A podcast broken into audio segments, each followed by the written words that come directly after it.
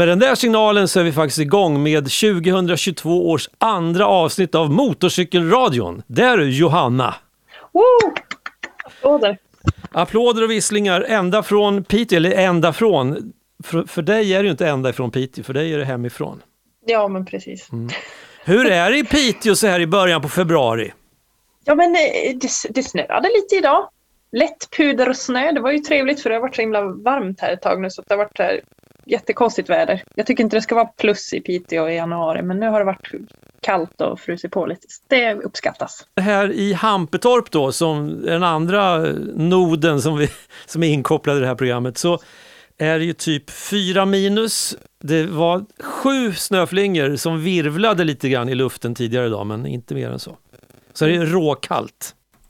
Ja, okej. Okay. Jag har en rättelse också. Det är inte januari, det är februari nu.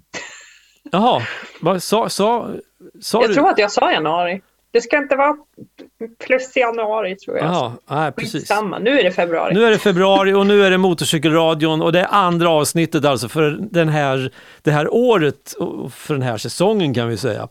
Eh, och du dök ju upp som, du är ny i det här programmet. Ja, Och det är ju spännande. det är spännande bara så, och då har jag fått lite kommentarer angående din medverkan.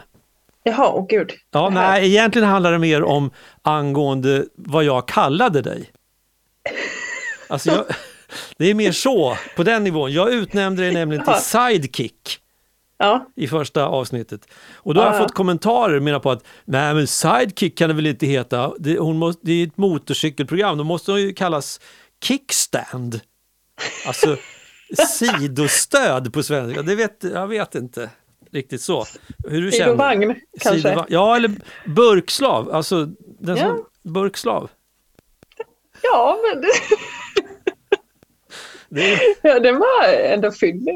det är, det är ju fyndigare. Det är kanske bättre än, än alltså, sidekick. Det är liksom typ sån här radioslang. För Ja. någon som är bredvid och säger smarta grejer när programledaren hakar upp sig. Liksom. Ja, det där smart eh, reserverar jag lite så här. Fast burkslav, det är ju något liknande. Det är ju den som håller balansen. Det kan jag gå med på. Ja, vad bra. Sen, vi har fler grejer, men jag ska, innan vi fortsätter så har jag en, en, en annan kul grej. Att Nicke Hultin, som bor väster om Örebro, han har skrivit på hemsidan och tyckte att det är jättekul att Motorcykelradion är tillbaka igen. Efter ett uppehåll på ett år ungefär. Så jag tyckte det var jättekul att han hänger kvar och lyssnar. Såklart. Men jätteroligt och det går ju bra att gå in på hemsidan motorcykelradion.se och kommentera sånt som man har hört eller ge förslag på sånt som man vill höra. Vi är inte omöjliga. Nej, kör, kör på alla kanaler som finns. Ja, visst. Det blir bra. Och vill man sätta betyg på oss på iTunes kan man göra det, men då får man, det där kräver jag lite grann alltså för att eh, av, man kan få fem stjärnor, liksom, det är högsta betyg. Motorcykelradion har 4,9 i snittbetyg. Nej, Jo, är vem är det som har dragit ner vem? betyget? Ja, precis, kan man undra. Eh, nej, men, så det är tungt. Ja, Men, eh, Så det är bara att gå in där och så kryssa i fem stjärnor så kan vi fortsätta. ja, vi måste ju muntra upp det här. Det här var en besvikelse. Ja visst, 4,9. Vad har vi gjort för fel? Men om man avrundar, då blir det ju fem. Absolut.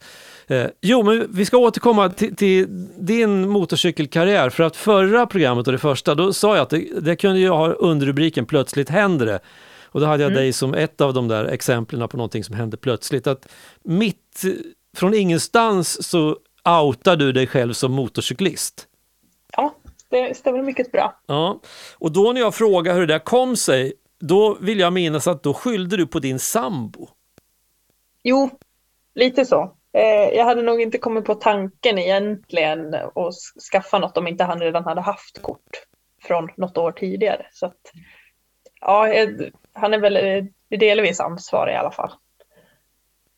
Men eh, sen finns det ju en till liten anledning. Det finns något skulle mer. kunna vara. Ja, det slog mig idag att eh, jag tittade ju på ett motorcykelprogram när jag var liten eh, som hette Biker Mice from Mars. Har du hört talas om det här? Alltså jag måste säga så här, jag fick ju reda på det för några timmar sedan, så det är helt nytt. Och det, det ring, klingar inga klockor direkt. Då, först jag var tvungen att googla det där. Eh, och någonstans tror jag att jag har sett någon av de här bilderna på de här tecknade figurerna. Eh, om jag har sett programmet, eller det vet jag inte, men jag kanske har sett någon bild på någon t-shirt eller någon, något sånt någon gång. Ja, alltså det här är ju typ en, en eh, superhjälteserie från alla 90-tal. Riktigt sån. Jag tror att eh, de kanske hamnar lite i skuggan av typ Teenage Mutant Ninja Turtles, är väl lite mer kända så. Men det här är ju liksom möss med antenner som har typ robotdelar, är supermuskulösa och så kör de motorcykel och ska bekämpa ondskan. alltså hur coolt är inte det? Men det, det, och jag tror, jag tror att de här avsnitten, i alla fall ganska många, går att hitta helt eh, fritt på jo. internetet. Att, det gör det säkerligen. Ja, så. För det här är ju så pass länge sedan så jag kommer ju knappt ihåg vad som händer. Så. Men jag vet att jag har en DVD med det här någonstans. Och, det, och jag kommer ihåg att jag tyckte de var svincoola och att jag hade, jag hade till och med leksaker med det. Eller det kanske var min bror som hade så snodde jag dem, jag vet inte. Men ja, det, jag, bara, det slog mig idag att det här, det här är något. Så här, så här lät signaturen förresten.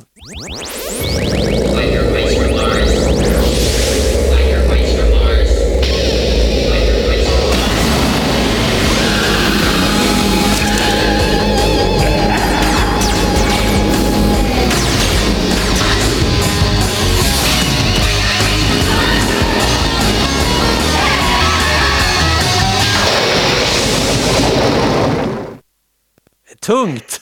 Alltså hör du, hör du 90-talet? Jajamän! Det är laser, det är autotune. Det är, ja, det, det är ju underbart. Visst är det? Jag tyckte det var så kul också för att eh, det händer, de, de här dyker upp i mitt huvud lite då och då. Och det handlar ju liksom om, om tre möss som är huvudrollerna. Och jag tyckte alltid den grå musen som heter Mod, och han var liksom den coolaste. Han så ögonlapp och, och liksom robotarm och grejer.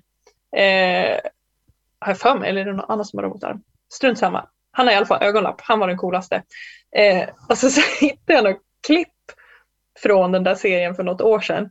Och jag tänkte mig ju att de här muskelbergen skulle liksom ha så här, uh, så här, riktigt coola basröster.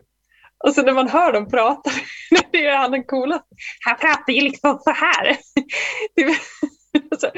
Storstadsdialekt och så läspar han jättemycket. Men sen, sen tröstades jag lite idag för att eh, jag hittade ett engelskt klipp och då låter han som i mitt huvud, då har han ju så riktig okay. basröst. Så att det var inte bara eh, mitt önsketänkande att han skulle låta så utan i original så låter han faktiskt lite som, som i mitt huvud. Men nu när du har återupptäckt de här mössen från Mars och deras motorcyklar. Kommer du att känna dig som en sån sen i vår när du drar iväg på Det din första jag ska göra efter dagens program är att eh, gå in på internet och köpa en ögonlapp och eh, boka operation för att eh, ta bort min arm så att jag kan ha en, eh, bli en cyborg. tänkte okay. jag. Ja, ja, det, det går och så ska jag träna så att jag får eh, magrutor till förbannelse, tänkte jag också. Ja men det är bra, då har du någonting att göra ja. innan, innan eh, men snön fortfarande ligger kvar i Piteå? Ja, ja, ja. Ja. Det har jag. Men för, Sysselsättning. Men för alla som inte då siktar på en karriär som superhjältar med, hjältar med robotarm och ögonlapp, så man kan ju bli lite superhjälte på ett annat sätt om man kör motorcykel.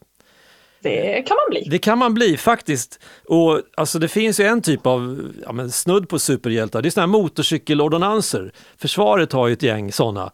Eh, snubbar som åker omkring på gröna tvåtaktare som smattrar eh, jättemycket och de åker i alla väder. På vintern så har de skidor under fötterna. Eh, och I alla väder, i alla, på alla vägar, även där det inte finns vägar, tar de sig fram liksom, till varje pris. Nu så kommer en civil variant på det där. Så civilförsvaret håller på och startar upp den här verksamheten. Så att det finns ju, om du nu inte, om du ångrar dig när du står där hos eh, kirurgen och ber om den här armkapningen, du tänker så här, det här, det kanske är dumt. Det, det, det kan vara dumt det här. Så mm. då ska du veta att då finns det en annan väg att gå där du ändå kan få liksom köra motorcykel hej vilt, hur mycket du vill, när som helst, var som helst och hur som helst. På, på en betald hoj som någon annan äger. Bara en Det sån sak. ändå. Ja.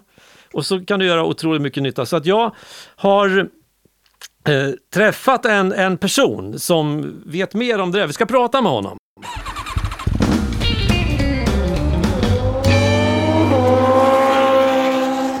Och i ett garage i ett industriområde strax väster om de centrala delarna av Örebro, där sitter han. Pa eller han får presentera sig själv förresten. Ja, Patrik Montgomery, 70 år gammal snart.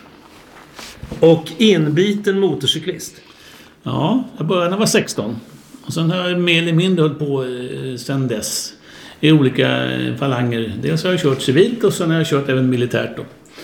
Eh, och för närvarande så är jag bara civil. Jag har lämnat det militära sen i... Ja, sen nyår. En ny karriär.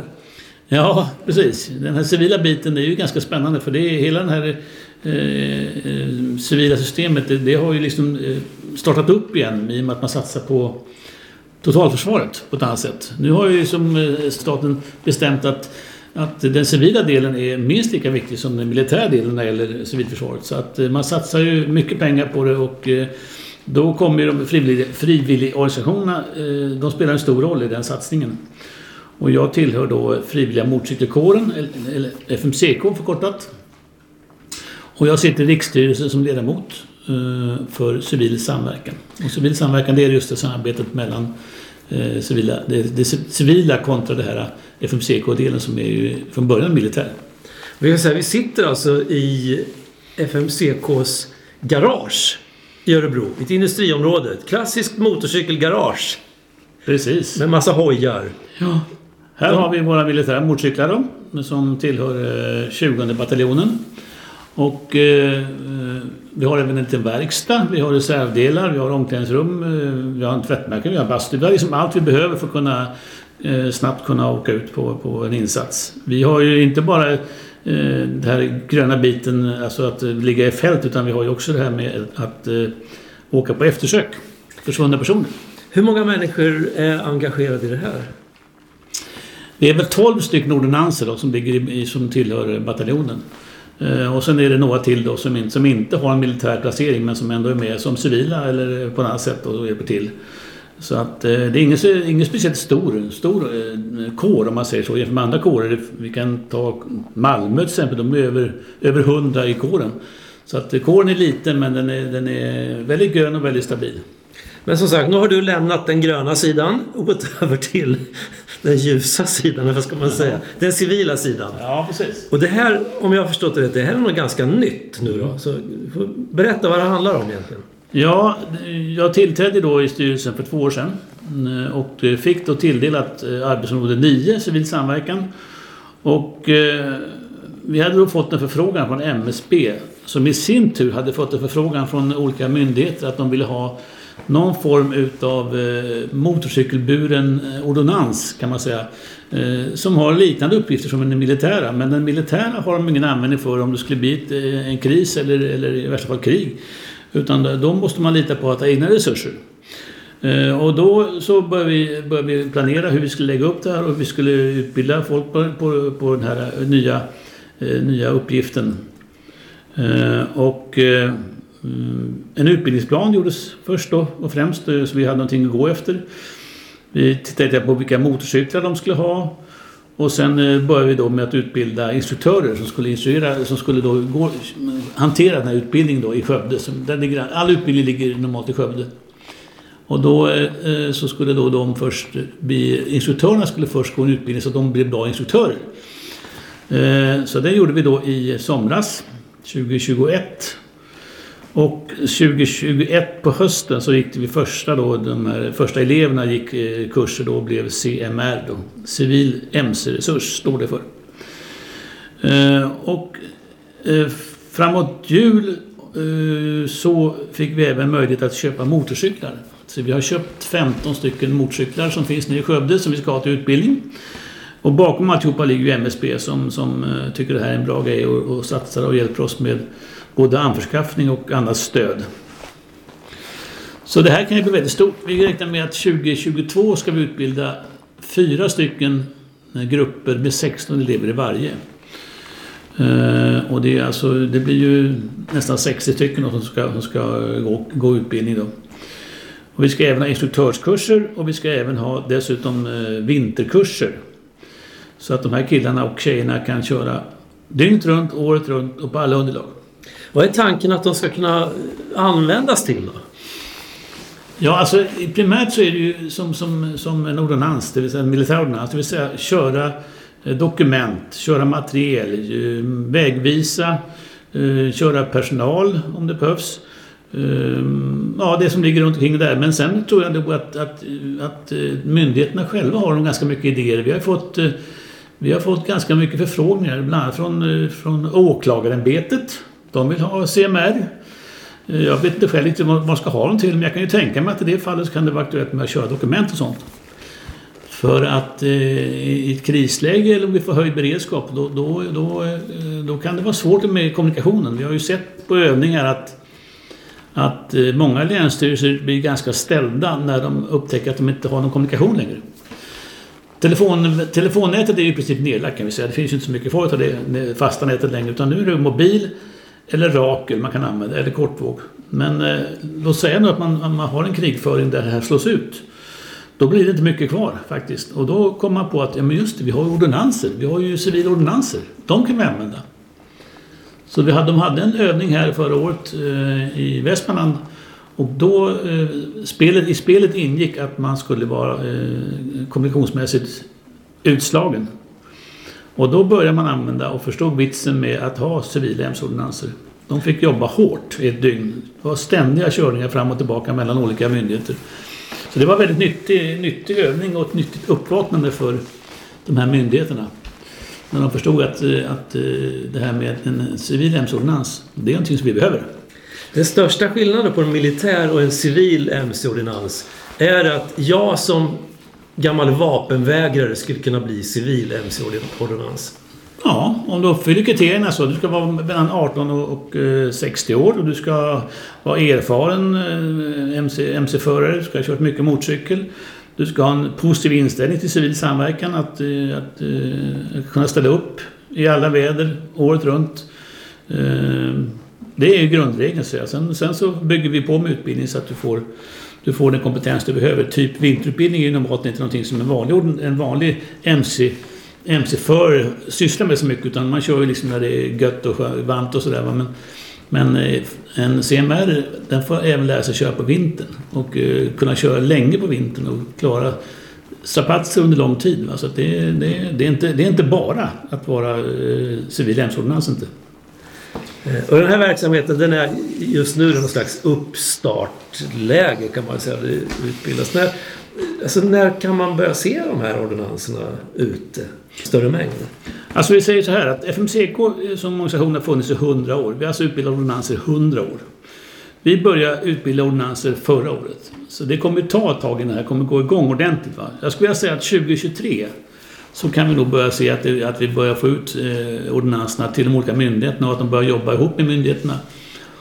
Eh, så att eh, 2023 det tror jag är, är gränsen. Innan dess kommer det bara nästan vara utbildning och att, eh, att eh, placera de här ordinanserna hos myndigheter och att få myndigheter att förstå vitsen med dem. För att vi har ju en, en, en myndighet som ska ha en CMR, han skriver ju ett avtal då med, med eh, CMR att eh, ja, angående ersättning och, och inställelsetider och, och fordon och kläder och alltihopa.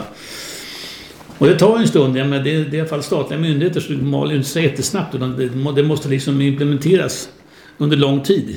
Men eh, när det väl sitter där, då tror jag det kommer fungera bra. Men det kommer ta sin tid. Jag inser att även om det där skulle gå superfort så faller jag för åldersstrecket. Jag har redan fallit för åldersstrecket. Men vi tänker så att någon som lyssnar på det här känner att ah, det där verkar lite fräsigt att vara med. Hur gör man då om man är intresserad av vad är det här? Det bästa tror jag, det enklaste är att man går in på FMCKs hemsida, på vår webbsida. För där har vi skrivit om, eh, om, eh, om eh, CMR och hur det går till och vad, vilka krav vi har på den som, som ska bli eh, CMR. Eh, och i nästa steg då så kontaktar man sin närmaste FMCK-kår det finns en karta över det på hemsidan, vilka kår som finns. I det här fallet så är det förstås Örebro då som man söker till.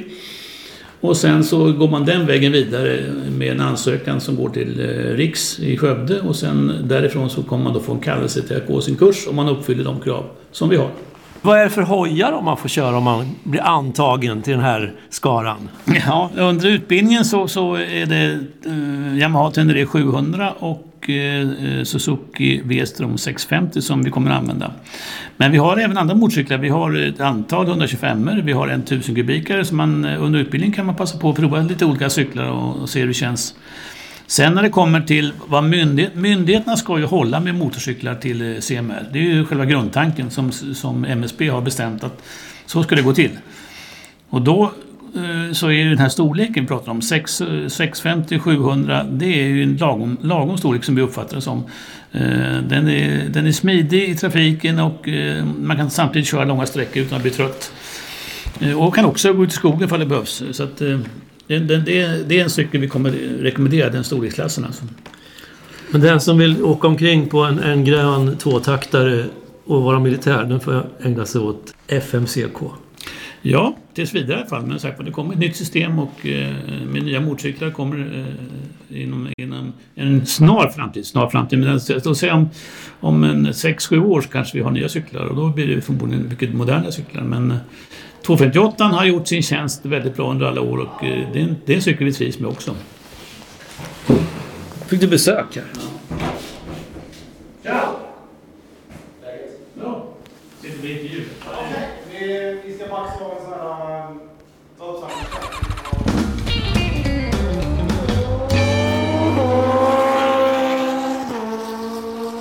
Mm, Patrik Montgomery alltså som håller det där med CMR. Coolt. Alltså, brevduvorna kan ju ta och slänga sig i väggen. Ja, det känns ju som att de, ja nej, jag tror att en MC-ordonnans, även en civil sån, faktiskt är bättre än en brevduva. Ja, eh, det kanske har gått lite ur tiden att skicka fåglar. Det känns ju så. Det, ja, nej, men det kanske vore någonting för det. Jag menar, tänk över det där en gång till med att skaffa robotarm. Ja, det tål nog att eh, sovas på saken. Jag tror det. Eh, men alltså det måste vara fränt det, det Patrik berättade när han fick det uppdraget att köpa in 15 motorcyklar. liksom när man ringer till någon MC-handlare där strax före jul eller när det var. Mm. Bara, Ja, men alltså bara... men köpte han allting från samma ställe? eller? nej, Vet det gick, han, han berättade att de fick ju jaga runt. Liksom. Någon hade ju två och någon hade kanske bara en av de här specifika modellerna de letade efter. Så, att, Ja. så de Jag dammsög tänker- Sverige kan man säga. Jag, tycker, jag tycker bara synd om de här som sitter och lurar på nätet och tänker ja, vänta, om jag väntar en vecka till då kanske den här går ner lite i pris och så, så bara swoop så allt Ja, ingen, ingen finns kvar liksom. Ja, Det är surt. det är surt. You snooze you lose. Yes, som man säger. Ja. Nej, men det där tycker jag verkar vara ett jätte, jättespännande och jättehäftigt projekt de håller på med. Eh, och det, på Motorcykelradions hemsida så kommer det ligga också en filmsnutt. Om, man, om man är intresserad så kan man ju ta nödvändiga kontakter, helt enkelt. ja, precis. Jag, jag tänkte på en grej, jag varit lite osäker på om jag, om jag hörde rätt. Jag måste nästan dubbelkolla med dig. Eh, jag skriver ner citatet.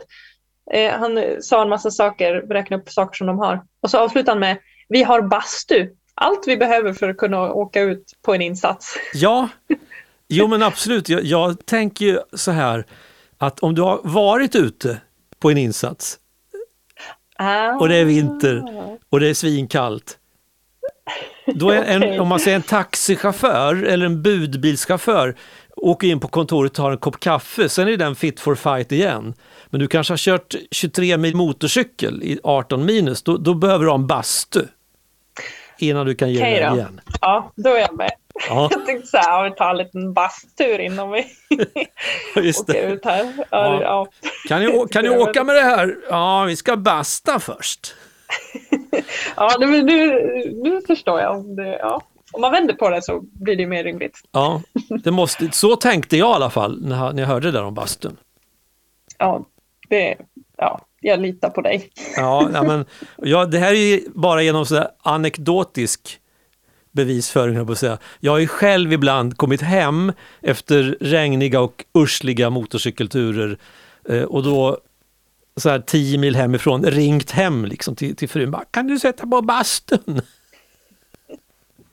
Men det kan man väl göra. Nu Ja. har vi inte vi någon bastu här uppe i Piteå, men där jag bodde förut, där hade vi bastu. Det var ju rätt nice faktiskt att kunna värma upp sig. Det är ju det. det, är ju det. Eh, Fast det, det mest najsa av allt sammans, det är egentligen att inte åka motorcykel när det är kallt. Jo, så är det ju. Och kunna, vad var det han sa, bara när det är gött och, Ja, och varmt ute. och, Det är jag beredd att hålla med om. ja men precis. Och han lever ju lite som man lär också, Patrik Montgomery. För att inte nog med att han håller på med de här grejerna, så han är ju motorcyklist, liksom helt, en helt vanlig motorcyklist dessutom. Och i, eh, jag tror det var, ja men på sensommaren någon gång, så dök det upp en massa bilder och berättelser på, i, Instagramflödet. Så var det Patrik som var på turné söderut. Eh, ja, men han får väl ta oss med på den där resan då. Så här gick det till. Det var i september jag åkte. Eh, och det var det som jag hade planerat ganska länge. Eh, och det var ju Italien som lockade då. Och då eh, Italiens östkust hade jag tänkt rikta in mig på. Men när jag planerade resan så tänkte jag, först tänkte jag så här att jag vill inte åka den här tråkiga biten motorcykel. Alltså det, tråkiga biten det är för mig E4 och autobahn. Eh, nu kan man hoppa över E4 och autobahn och åka småvägar men då kommer man aldrig fram istället. Så att, det innebär att när man kommer fram så får man vända och åka hem igen för det tar sån tid. Va? Så då tänkte jag att jag ska försöka transportera motorcykeln ner till Tyskland istället och sen åka från Tyskland ner till Italien. Eh, och då funderade jag på hur jag skulle lösa det rent praktiskt. Och jag hade ju ingen riktig mc-kärra och jag hade ingen, riktig, ingen vanlig släpkärra men jag hade ett båtsläp. Och då lurade jag på om jag kunde använda båtsläpet på något sätt till att köra motorcykeln på. Eh, och efter några sömnlösa nätter så kom jag på att jag skulle kunna göra liksom en, en form som var som en båt. Som jag kunde ställa motorcykeln i och som jag sen kunde dra upp hela ekipaget, låda med motorcykel upp på båtsläpet. Sagt och gjort. Jag kontaktade en kille i Hallsberg som eh, tände på det där och eh, kunde tänka sig att bygga den här konstruktionen. Och när den var färdig så, så eh, tog jag den till Örebro och sen så ställde jag upp motorcykeln på den. Och började dra upp den då. Det är ju ett, det är ett, el, det är ett elspel på den här båtkärran så man kan, man kan manövrera den på lite avstånd. Det är ju en trådlös kontroll då så man kunde stå och titta på när man drog upp den. För första gången var jag ju lite nervös om man säger så, milt uttryckt. Men det gick faktiskt otroligt bra alltså. Eh, det blev bra balans och ja, det, var, det, fanns, det fanns egentligen ingenting som var fel. utan Allting fungerade jättebra. Alltså. Så att, eh, sagt och gjort. Nu hade jag då kommit så långt så att jag hade någonting att transportera på. Eller innan, innan vi kommer, jag måste bara... Jag ser ju för mig hur du använder vinschen för att dra upp det här flaket, vad man ska säga, med motorcykeln på. Men hur får du av motorcykeln sen? Du, nej, det, nej, det blir är i princip tvärtom. Det, alltså, du, du, du har ju då vinschen då. Då släpper du spärren där så att du kan skjuta hela den här, den här båten. Om vi säger att det är en båt då. Bakåt då på, på båtkärran. Och sen kommer du ett läge när den ligger och balanserar precis. Och då spänner du upp vajern igen så att du har lite tryck på den och sen så kan du spela ner den långsamt med, med det här spelet som du har, eh, elspelet och fjärrkontrollen. De får jobba ihop. Och det går väldigt sakta och fint och långsamt och städat så det är inga, det är inga svårigheter alls faktiskt att, att göra det på ett, på ett säkert och bra sätt. Och jag har gjort det nu flera gånger och jag har ju kört med långa sträckor ända till Tyskland och Italien och alltihopa. Eller förlåt, inte Italien men Tyskland. Och det har inte varit problem någonstans. Den står bergfast alltså. Ja, suveränt. Ja, men då, då, då är jag lugn på den fronten. Ja. Okej, du vinschar upp den här konstruktionen, fraket, motorcykeln. Drar iväg söderut. Mm. E4 i Ja. bil. Ja. Eh, och sen eh, tog jag över, över eh, Danmark och så tog jag färjan över och sen eh, ner genom Tyskland då. Eh, och att, att, eh, jag, kom jag körde till München då, då gick det fortfarande ganska bra. Men sen när jag började närma mig liksom, de, mer bergiga trakterna och, och, och, där, och de vägar där det var mycket backar och sånt så, så var det faktiskt helt enkelt så att min bil den hade fullt jobb att dra det där ekipaget. Utan, och, och, jag låg då i 80, den här 80-fil längst till höger där lastbilarna ligger och det finns ju ingen lastbil i Tyskland som kör i 80 överhuvudtaget. Alla ligger och bränner i 90 eller 100 om de kan. Så jag blev ju ganska, de blev ju ganska griniga på mig att jag låg och bromsade i deras filer. Så att, Eh, Det var mycket tutande och blinkande och så men jag höll lagligt 80. Men när jag kom till Fulda så insåg jag att nej, nu får jag nog hitta på någonting. Det här, det här går inte längre. Nu måste jag lasta av och börja köra motorcykel. Så att, det, så att jag inte, inte ligger så här och, och irritera en massa trafikanter. Det är ju inte meningen. Eh, så jag åkte till BMW-återförsäljaren, alltså den som säljer motorcyklar i Fulda. Eh, och så gick jag in och frågade om hur du, kan jag få ställa min vagn här och min bil medan jag åker motorcykel i Italien? Eh, antingen så förstod han inte vad jag sa, för att min tyska var dålig, eller så förstod han vad jag sa och då var han väldigt snäll. För han sa att det är helt okej att du ställer din bil och släp här och sen så, så är det inte mer med det. Så jag lastade av motorcykeln, ställde bilen. Jag tror inte att, han riktigt, han var, jag tror inte han riktigt förstod att det var liksom två veckor vi pratade om utan han trodde kanske att det skulle komma dagen efter eller ja, sådär. Men hur som helst, jag åkte därifrån ner mot Italien till eh, Rimini då. Eh, för att där, alltså, dels så tycker jag det är väldigt vackert där och sen har den här jätte, jättefina stranden och sen har man också bergsvägar som man kan åka upp och köra i. Så det fanns det man, det man ville eh, när det gäller motorcykelåkning. Eh, Rimini i september, det är ungefär som Smögen i september. Det vill säga det är ganska avfolkat. På stranden så var det kanske mm, ja, 10-15 personer på den, här, på den här stranden som var nere på hotellet. Den är ju gigantisk strand. Den är hur lång som helst. Den tar aldrig slut och bred. Men det fanns några stycken hjältar som låg där och sola och, eh, och, och badade och så. Och vattnet var ju helt okej. Det var svensk sommar. Svensk sommar i värme. Allting var helt perfekt. Jag skulle vilja säga att ska man åka till Italien så ska man åka då, den tiden på året. För att innan är det för varmt och sen blir det för kallt. Utan åker man ner i september då får man svensk sommar och det är inte fy skam. Men Skillnaden är att där nere är det ju sol nästan varje dag. Så att du behöver inte, du behöver inte riskera att du ska bli inregnad utan, utan det, är, det är sol. Och dessutom är det faktiskt väldigt, väldigt billigt. Jag betalade, jag, hade, jag fick ett stort, jag fick ett, ett rum på hotellet eh, på översta våningen med utsikt över stranden. Två rum och balkong i vinkel och jag vet inte vad, allting. Och det kostar 800 spänn natten. Det tycker jag är inte mycket att bråka om, inklusive en rejäl frukost. Så att eh, det var väldigt, väldigt bra. Så där bodde jag ett antal dagar och sen åkte jag därifrån upp i bergen. Jag åkte även söderut. Eh, lite runt sådär. Min målsättning från början hade varit att jag skulle hitta en liten, en liten fiskeby. Med fem hus och ett litet eh, hotell eller pensionat där man kunde bo. Men det, det, det fanns ju inte uppring överhuvudtaget någonstans. Det, nästan hela, hela kusten är bebyggd. Och, och det som är bebyggt det är stort och fräsigt och hotell och, och den där lilla mysfaktorn det var svårt att hitta faktiskt. Märkte jag efter ett tag. Men när det gäller att åka motorcykel så fanns det ju gott om möjligheter. Alltså de här bergsvägarna de, kvalitetsmässigt är de inte hundra, det är de inte, men, men, men det svänger riktigt. Det är nästan så att man biter sig själv i baken när man svänger i kurvorna. Eh, Så att det, det är en utmaning och högt är det och det är inga, inga räcken och, och sådär. Så det, det är lite nervpirrande att ge sig ut på de här vägarna men eh, kul samtidigt. Och för en, och innan man åker motorcykel då, då, är det, då är det inte alls fel. Du åkte solo hela tiden. Träffade du på några knuttar på, på en resa? och Sådär?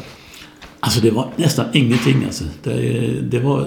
Det var jag försöker tänka efter. Om, i stan var det några stycken som åkte med skoter och sådär men, men, men motorcyklar var det inte mycket under den tid jag åkte.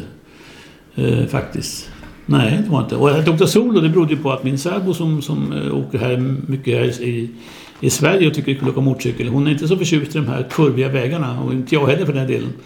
Eftersom eh, den cykel jag har den är ganska tung. Det är en BMW 1200 eller 1250 är det heter den. Och den är ju ganska tung och eh, när man ska böja den runt kurvorna så blir det inte lättare om man är två på, på motorcykeln. Det, blir, det är fullt jobb när man är ensam. Så att eh, jag tyckte det var ganska skönt att åka ensam. Och sen, sen fanns det ett egoistiskt skäl till och det är att om man åker ensam kan, kan man liksom stanna och göra precis som man vill. Man behöver inte ta hänsyn till någon. Väldigt egoistiskt men eh, kan man nu välja den, den möjligheten så, så tog jag den eh, i det här fallet. Att, ja. Är du beredd att gå så långt så att du till och med kan rekommendera att man ger sig iväg på någon sån här solotur någon gång? Absolut. Det det ska absolut, verkligen. Eh, Just, just den, här, den här möjligheten du har att du kan göra avstickare. Och har du något speciella intresse, jag tycker till exempel det är kul med eh, järnväg och såna grejer och båtar och såna saker. Och det är inte säkert att, att den som man har med sig tycker att det är lika kul. Utan eh, då, då, då, då blir det ett dilemma där att man, man skulle vilja men tyvärr så gick det inte för att den, den andra personen eller den som åkte med på motorcykeln inte delar samma intresse. Så att eh, ska man, ha, ska man ha, ska verkligen ha, eh, få, få nöje med sin resa då, då, då, är det, då kan det vara så att det är roligt roligare att åka ensam. Språkmässigt då, när man är två eller fler, då kan man liksom luta sig mot varandra när man ska lista ut saker och ting. Men, men du pratar tillräckligt mycket tyska för att du fick parkera hojen i två veckor Mm, och sen. BMW-handlar utanför München. Ja. Eh, Men sen då? Ja, tyskan, eh, där det går det så att det är skapligt. Och engelskan, eh, den är jag bra på faktiskt. Jag har bott, eller, jobbat ganska mycket utomlands så att det, är ju inga problem med. Italienskan, den är ju mm, sådär alltså. eh, Börjar de eh, babbla för mycket då, då hänger man inte med alls. Men de här grundläggande orden, det lär man sig ganska snabbt. eh, så att, eh, och de är ju duktiga, de flesta är ju duktiga på, i alla fall på hotell och sånt. Ofta på restauranger också. De är ju duktiga på engelska också. Så att det, det är inga problem att göra sig förstådd, tycker jag inte. Det tycker jag inte. Det som, är, det som är intressant, jag kan ju berätta en annan ganska rolig grej. Det var ju det att jag... Rolig, rolig, det var inte så roligt egentligen men en morgon när jag var på hotellet så råkade jag snubbla på en kant på, på, på trappan och, och föll, i, föll i backen där det föll i golvet och det var stengolv och det gjorde ont i knät. Riktigt ont. Och då eh, så åkte jag till akuten eh, på, i, Rimini. Och man blir lite imponerad. Alltså jag åkte in där och satt och väntade en stund. Sen var det undersökning, var röntgen och det var utskrivning. Allting på tre timmar. Och det tycker jag är ganska bra med tanke på att det är en akut. Jag, vet inte, jag har ju upplevt akuten i Örebro och det är ju inte alltid lika snabbt där. Men här i Rimini så gick det undan med allting. Alltså, det, var ingen, det var ingen spricka eller någonting men det gjorde ont som fasen. Men, men, eh, men eh, jag är imponerad att det, gick- att det gick så snabbt. Att, det, att man liksom passerar genom akuten på tre timmar. Det tycker jag känns jätteimponerande. Och det var inte värre än att du kunde sätta dig på motorcykeln sen då? Kanske redan dagen på eller? Ja, Jag fick vänta två dagar faktiskt för att jag hade så jäkla ont. Jag kunde inte böja knät riktigt ordentligt. Jag, jag, jag snubblade fram som, som, eh, som, en- som, en, som en halt. Eh, under de här två dagarna. Men sen kände jag att jag kunde fall böja knät och då kunde jag faktiskt sätta mig på cykeln också. Så att eh, det gick bra. Så att, eh, ja, nej, det var enda, det var enda missöden faktiskt. Jag hade inga, inga missöden i övrigt. Jag, jag, jag välte något läge eh, med motorcykeln men det, alltså, det var när den stod still i stort sett. Jag skulle tanka och sen så var det lite olja på marken och sen när jag steg av så gled foten undan. Och det tror jag, det kan hända de flesta att, att det är en sån sak. Men jag körde aldrig omkull och inga sådana där allvarliga missöden utan små saker som mest, var, som mest innebar att man blev irriterad på sig själv. För att man inte hade koll på läget riktigt. Är det någonting du kommer att göra om? Den här typen av resa? Det gör jag gärna, men jag, jag skulle vilja säga att, att, eh, att jag skulle nog tveka att åka ner till så långt som till Tyskland med, med bil och släp. Eh, För det, ja, det, kanske. Men däremot tycker jag här, att kunna åka till Danmark, att åka, åka från Sverige eh, ner till Danmark eller till Skåne och ställa bil och, och, och vagn där och sen åka motorcykel runt i, i det området. Det är en lösning bara, för då slipper du fortfarande de här tråkiga, tråkiga, tråkiga transport- transportsträckorna. Vi kan väl, ska vi utnämna redan nu E4 genom Småland till Sveriges tråkigaste motorcykelväg? Ja, det tror jag vi kan göra utan tvekan. Absolut. Det, det, det, det är så fruktansvärt tråkigt som man, att man inte somnar på vägen. Det är obegripligt. För att eh, det, finns ing, det finns inte mycket att se och det är nästan det är bara rakt, rakt, rakt, rakt, rakt. Så nej, det, det är ingenting att längta efter. Så att, eh, eh I sånt läge kan det vara skönt att sitta i en bil. Du kan ha musik på och du kan eh, kanske eh, ha en kopp kaffe och, och du kan stanna och, och, och vila och du kommer, du kommer fram då rejält utevilad när du ska, sen ska börja köra motorcykel. Så det, det, är en, det är en bra lösning. Så att så blir det nog. Och den som tyckte att den här idén med båtsläp och någon slags flak på verkar jättebra. Då kan jag säga, jag kan förmedla om man vill ha kontakt med dig Patrik. Då, skri- då mejlar man till Motorcykelradion. Mejladressen är brumbrum motorcykelradion.se Så ordnar jag kontakter så... Ja, jag har bilder. Jag har ingen reell ritning, men jag har bilder på hur det ser ut. Så det, där, där kan man se hur, hur den är konstruerad. Det, det, enkelt beskrivet kan man säga att det är som en båt utan akterspegel. Det, det är så det ser ut faktiskt. Och det, att det inte finns akterspegel får man ska kunna köra på motorcykeln, så det är ganska självklart. Men annars är det en ganska, en ganska enkel konstruktion. Som, och dessutom är det inte speciellt dyr. Jag tror jag betalade ett par tusen för alltihopa. Och då var det någon som byggde den åt Någon dig. som byggde åt mig. Nu tyckte han, det tyckte han som byggde i och för sig att det var väldigt kul att bygga. Så det kanske motiverar priset. Att han tyckte att det var liksom en liten utmaning att få det här att fungera. Va? Så att det är möjligt att, man inte kan få det priset alltid. Men, men det är inga jättepengar. Och så här, för att poäng, poängen med alltihopa det är att du slipper få en, en kärra till att ta hand om. Med trasiga, med trasiga hjullager och taskiga bromsar och allt som krånglar på sådana här släpkärror. Nu har man en kärra som man kan köra båt på och sen tar man av, eh, sätter man på den här tillsatsen och då kan man köra motorcykel.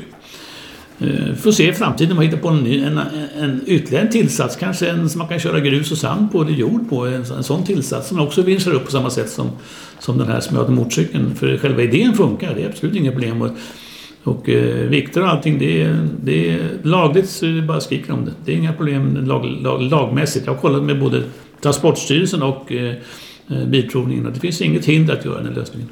Bara man håller sig inom vikten.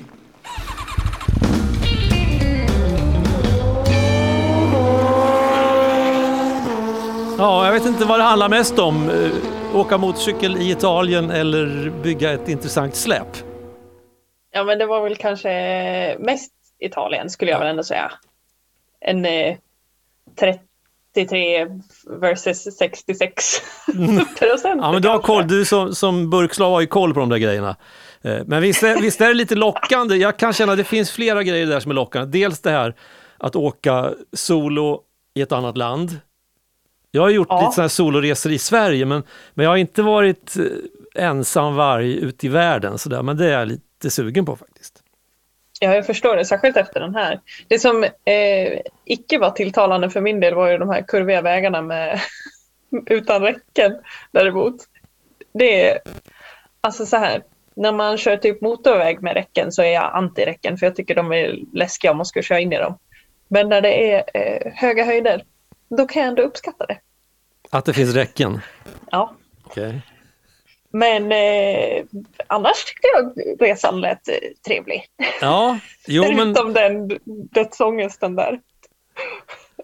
Ja, nej, nej men som sagt, det, det, men det finns ju vägar av alla de slag. Man behöver inte åka på de allra värsta serpentinerna om man inte gillar det. Men precis. Såklart. Kurvor är ju kul med måtta, tycker jag. Ja, la, lagoma kurvor. Ja, men precis. Ja. Det är en grej där, vi, vi, vi konstaterar ju både Patrik och jag att E4 genom Småland måste vara Sveriges sämsta motorcykelväg. Alltså den tråkigaste mm. motorcykelvägen. Men sen tänker jag så här att jag skulle kunna utnämna hela E4 faktiskt. Eh, nu råkar ju du bo vid E4. Ja, men, men så no offense liksom om, om dina hemtrakter just nu då, men den är ju uruselt tråkig den vägen. Mm, men det är den också. Ja. Jag kan inte göra annat än att hålla med. Nej. Är det någon som har förslag på någon tråkigare mc-väg i Sverige än E4 så kan man ju höra av sig då. Ja, det kan man då funkar På, med... vad sa du? Brum brum? Ja. Snabel motorcykelradion. .se, ja precis, det är den mejladressen vi har. Den, den har något, den är ju underbar faktiskt. Jag, jag, tycker, jag tycker det själv. Jag var nöjd när jag kom på det, så kan man säga. Hallå, jag måste ju fråga dig nu, om, om, du nu är sugen på att åka utomlands själv, vart, eh, vart är liksom bästa landet att åka till tror du? Eh, det bästa landet att åka till, ja, nej men jag har ju åkt till exempel i Italien mm. Eh, och det är väldigt bra. Det är kul, det är roligt, det är trevliga vägar, schyssta ställen att bo på. Och september är en perfekt månad, utom september det året när jag och mina kompisar var nere, för då, då var det århundradets lågtryck. Jaha. Så då var det, då var det total ösregn och misär. Eh, men det var, det var ren otur. Men med Italien, kul att åka i. Tyskland, alltså om man inte måste transportera sig bara och åka autobahn så Tyskland vid sidan av, av motorvägarna finns fantastiska vägar. Eh, dock är det ganska mycket trafik, eh, i alla fall mitt, under, mitt i sommaren. Men kan man åka lite vid sidan av, ja men september, alltså det är en bra månad även där. Ja, jag tänkte på det också när han sa det att, eh, att det är för varmt mitt i sommaren och jag tycker ju det är för varmt att typ åka svensk sommar. Jag blir finns det något jag hatar så är det att vara obekväm. Och särskilt om man har tjocka kläder och det känns ju som att man tar på sig riktig vinterutstyrsel när man tar på sig mc-kläderna och så är det typ 25 grader varmt. Nej fy. Uh. Mm, nej. Fy satan! Så, så jag kan nog eh, tänka mig att åka lite senare på året. hade nog eh, varit att föredra för min del i alla fall. Ja. Om man inte åker till något kallare. Alltså vi, har ju, vi har ju åkt genom Spanien, alltså från från söder till norr, alltså rakt över hela Spanien, hustrun och jag, på motorcykel för en massa år sedan. Och då vet jag, vi passerade en stad som heter, eh, Zaragoza. Eller något sånt där. Jo, men jag tror det var Zaragoza. Och då var det en sån här utomhustermometer som med digitala siffror trumpetade ut 41 grader. Oj. Det var inte skönt, det var ju små, alltså tänkte man ha en sån här hårtork liksom. Mm. Så kör på högsta värmen två centimeter från ansiktet. Aj, usch Ja det, ja, det var bedrövligt. Så det, eh, men, men annars eh, så var det bra i Spanien också, åka motorcykel. Det Ja, som, det är ju, jag tänkte det, det är ju inte så lätt att tvätta motorcykelkläder heller. nej, De är ju lite otympliga. ja, de är det. Du tänker på att det blir odörer och så. Ja, det blir ju det. Ja, fast jag tycker det där, jag vet inte, jag kanske är äcklig, men jag tycker det, det är nästan grejen på, på våren när man går ut där i garaget, har en sån här garderob där grejerna hänger. Och så tar man fram dem där. Åh, det här, Lite, doftar lite mysk. ja, Lite, lite svett. det, det är svett, asfalt och avgaser. Då känner man, det är liksom, ja men... Så det, Då har man levt. Då har man levt, ja. Det som också är bra med att åka motorcykel, så egentligen så fort du kommer söder om Sverige, det är ju också att trafikanterna är så pass mycket mer vana med motorcyklar. Och visst, man är väl lika osynlig där som man är här om det vill sig illa för, för en bilist. Liksom. Men, men man räknas med som en riktig trafikant på ett annat sätt, upplever jag det som. Mm. Och det här om du, vi säger man kommer i ställen där, där trafiken nästan står still och det är köer. Det är ganska ofta som att bilister går åt sidan och vinkar fram om man inte fattar som utlänning vart man ska ta vägen. Då kan de peka och vinka, liksom, åk där, åk där, där kommer du fram med din motorcykel. Så, att, det- Mhm. så det är bra. Ett land som, som alla pratar om när man ska köra motorcykel, som jag inte har nämnt, och inte du heller nu, och inte Patrik heller, det, det är Norge. Jag har, faktiskt, inte- jag har faktiskt inte åkt mot, jag har ju typ så här 25 mil till norska gränsen. Ja, alltså. Det, har, det står på min eh, att göra-lista eh, att åka motorcykel där. Nu har ju inte jag haft motorcykel så länge. Jag tog ju kort i somras som sagt då. Eh, men eh, om eh, restriktionerna med coviden eh, lättar och lite sådär framåt sommaren så, så kanske det blir en tur Ja, till Norge. ja Jag kan ju hoppas det i alla fall. varför inte? Det låter bra. Eller Finland. Ja. Eller något. Ja. Vi får se, jag vill åka överallt. Jag, har ju, jag är inte så berest än. Eh, Jag tror motorcykelradion har ju någon sån där slogan. Är den bara krokig så kan den vara hur lång som helst. Vägen. Vad fyndigt. Ja. Du, jag vet inte, ska vi, ska vi ge oss för den här? Nej men du, nästa avsnitt. Ja, nästa. Ja, jag- ett uppdrag. Du, du måste få ett uppdrag känner jag. Okej. Du, nu, är du, nu är du mogen för ditt första uppdrag efter två Oj, oj. avsnitt. Eh, Så får du steppa upp. Då kan du, då kan du bli nästan, gå från burkslav till, till reporter. Jag har inte hittat någon Ja, det, motorcykeluttryck det låter som en trevligare titel så det ligger ju bättre i mun, tänker Ja. jag. Än, Ja, men- det, Ja, Ja. Nej, men du är, du, från och med nu så förestår ju du Motorcykelradions kulturredaktion. Du är kulturredaktör. Ja, Så du, har- jag kommer upp mig i Ja, livet. Skit i reporter, du är kulturredaktör. Eh, så, oj. Ja, men så då vore, tycker jag att det vore väl schysst, eftersom vi fortfarande är i den här perioden när vi inte kan åka så mycket. Och en del har väl börjat på att meka kanske i garaget, men, eh, men det kan ju vara kul att få lite inspiration via filmduken, alltså på sin skärm där hemma. Mhm. Så om du skulle kunna tänka dig att recensera någon rulle, en film helt enkelt. Ja, men absolut. Vad, vad tänker du för film? Då? men jag, jag tänker så här, vi måste ju vaska av en del grejer och då känner jag att jag tror den fyllde 50 år, om det var förra eller förra, förra året. Mm. Eas- Easy Rider, det är liksom motorcykelfilmernas motorcykelfilm. jag, jag vet att jag har sett den en gång för länge sedan, men jag kommer knappt ihåg den.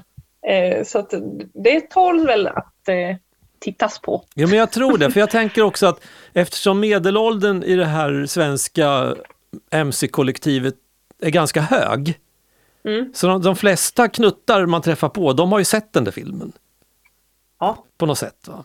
Eh, Men så finns det ju, samtidigt som det ökar liksom intresset underifrån, och inte minst bland tjejer, så kan det vara kul, känner jag, på riktigt att få en annan infallsvinkel på den där filmen än, än gubbögonen. För vi tycker bara Så det är liksom ett styre som är jättehögt och brett och så fräser man bara fram rakt genom öknen. Liksom. Men, men, ja, men hur ser en modern människa på den där filmen? Åh, kallad för modern människa. Gud, nu har jag fått många titlar idag känner jag. Ja, ja, vi- ja, vi får sluta här känner jag också. När det blir för mycket. Inte, ja, precis. Inflation i titlar. blir, vad heter det, hybris. Mm. Precis, Nej, men ska vi säga så? Ja, men vi säger så. Ja, att vi, vi stänger butiken med en sedvanlig bresladd och så är vi igång igen. Ja, men någon gång i, i mitten, strax efter mitten på februari så kommer nästa avsnitt. Yes, box. Låter väl rimligt. Vi har en plan. Ha det gött, hej svejs! Brum, brum.